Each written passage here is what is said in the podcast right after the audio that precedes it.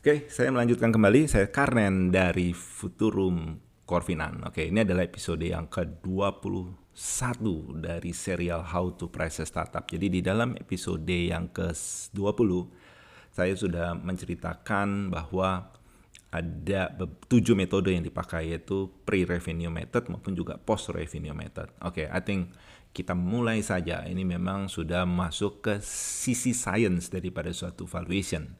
Yang pertama adalah Berkus method ya. Oke, okay? ini adalah your first starting point.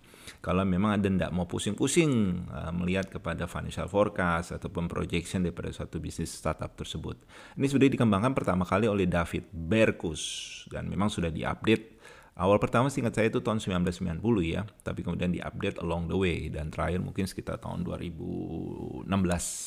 Anda bisa masuk ke websitenya karena di situ ada kalau nggak salah namanya Berku uh, Nomics dan Anda bisa di situ membaca beberapa um, apa yang disampaikan oleh David Berkus. Jadi uh, pada prinsipnya ini um, tidak ada benchmarking ya, jadi Anda hanya memang memulai sesuatu dan intinya adalah kalau kita catatan awal daripada David Berkes adalah Anda pastikan aja ya bahwa uh, targetnya memang bisa bahwa startup yang saat ini sedang Anda review itu memang dalam waktu lima tahun ya itu bisa memberikan uh, revenue. Jadi tahun kelima kalau revenue-nya bisa masuk ke 20 juta US sebetulnya uh, ini yang disarankan oleh David Ber, uh, David Berkes. Jadi dia juga seorang angel investor uh, dan juga pengarang, uh, penulis juga yang bagus juga. Jadi anda pastikan ya kalau memang anda percaya kepada uh, uh, bisnis startup yang yang yang sedang dipitching kepada anda bahwa itu bisa 20 juta US di tahun kelima dalam hal pendapatan, go ahead you can use this. Nah David Berkes mengembangkan lima kriteria yang memang bisa dipakai untuk di review. Nah, itu adalah pertama sound idea ya, sound idea. Oke, okay, jadi apakah memiliki ide yang bagus daripada bisnis startup tersebut dan memiliki quality management team. Ya quality management team ulang kembali lagi. Jadi memang pertama idenya bagus kedua adalah memang quality management teamnya ada. Jadi ini lebih memikirkan masalah eksekusi daripada daripada ide tersebut ya. Jadi sesudah ide execution.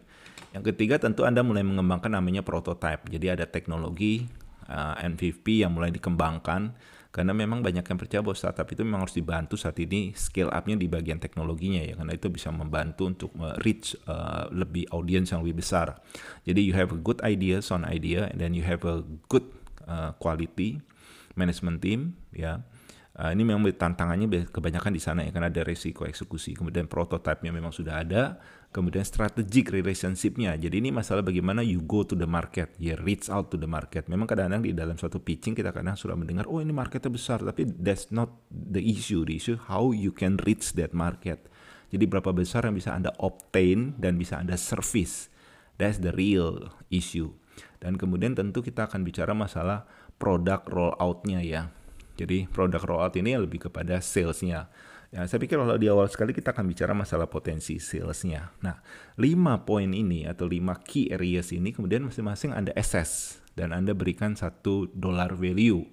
Uh, di mana itu range-nya antara 0 sampai uh, 500 uh, ribu dolar. Jadi range-nya dari 0 sampai dengan 500 ribu dolar. Jadi kalau kita anggaplah ini adalah satu bisnis startup yang memang oke okay, kalau Anda memang sepakat bahwa setiap poin tersebut atau five that key areas you can give like a 500,000 500,000 USD. Jadi in total pre-money valuation daripada bisnis itu tidak akan lebih dari dua setengah juta USD. Dan ini adalah pre-money valuation. Jadi ini adalah suatu yang um, yang secara teoritis uh, dipakai oleh David Berkes ya. Sekarang tergantung nanti anda mau suntik dana berapa? Karena di sini kita udah sepakati pre-money valuation Anda akan tidak akan lebih dari dua setengah juta USD.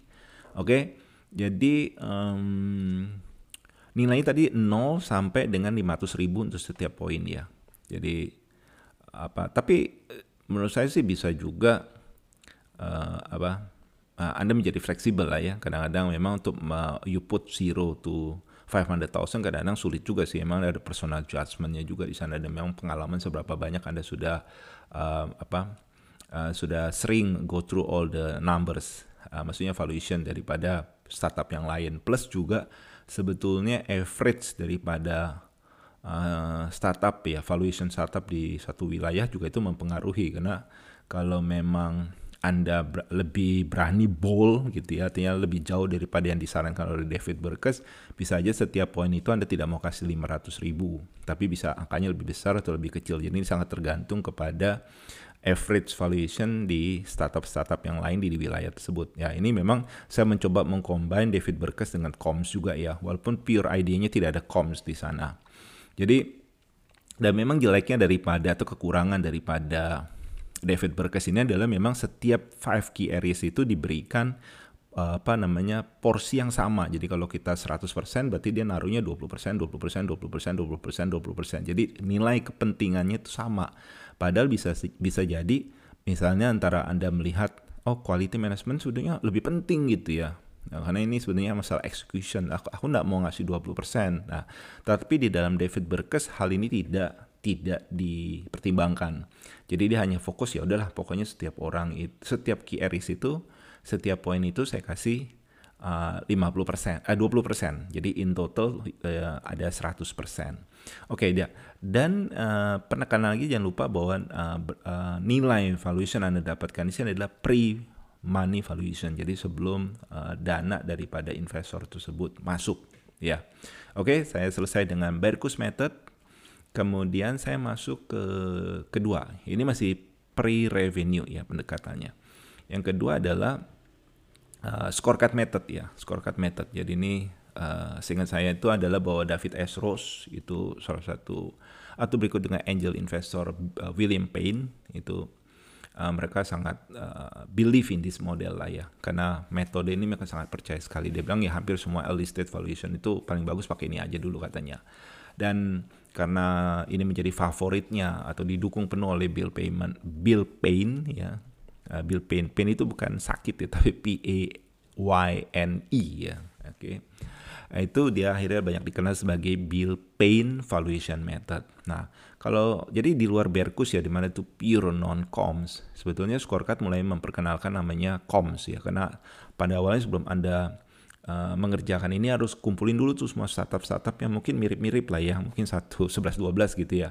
Dan itu saya sebutnya sebagai representatif group of startup. Lalu kemudian Anda hitung atau Anda dapatkan kurang lebih berapa sih dia punya range daripada valuationnya. Nah, kalau Anda sudah dapatkan misalnya satu patokan uh, nilainya uh, sekian lah katakan misalnya oh satu setengah juta USD. Nah, kemudian Anda berusaha untuk membenchmark uh, daripada uh, bisnis startup yang sedang Anda lihat ya.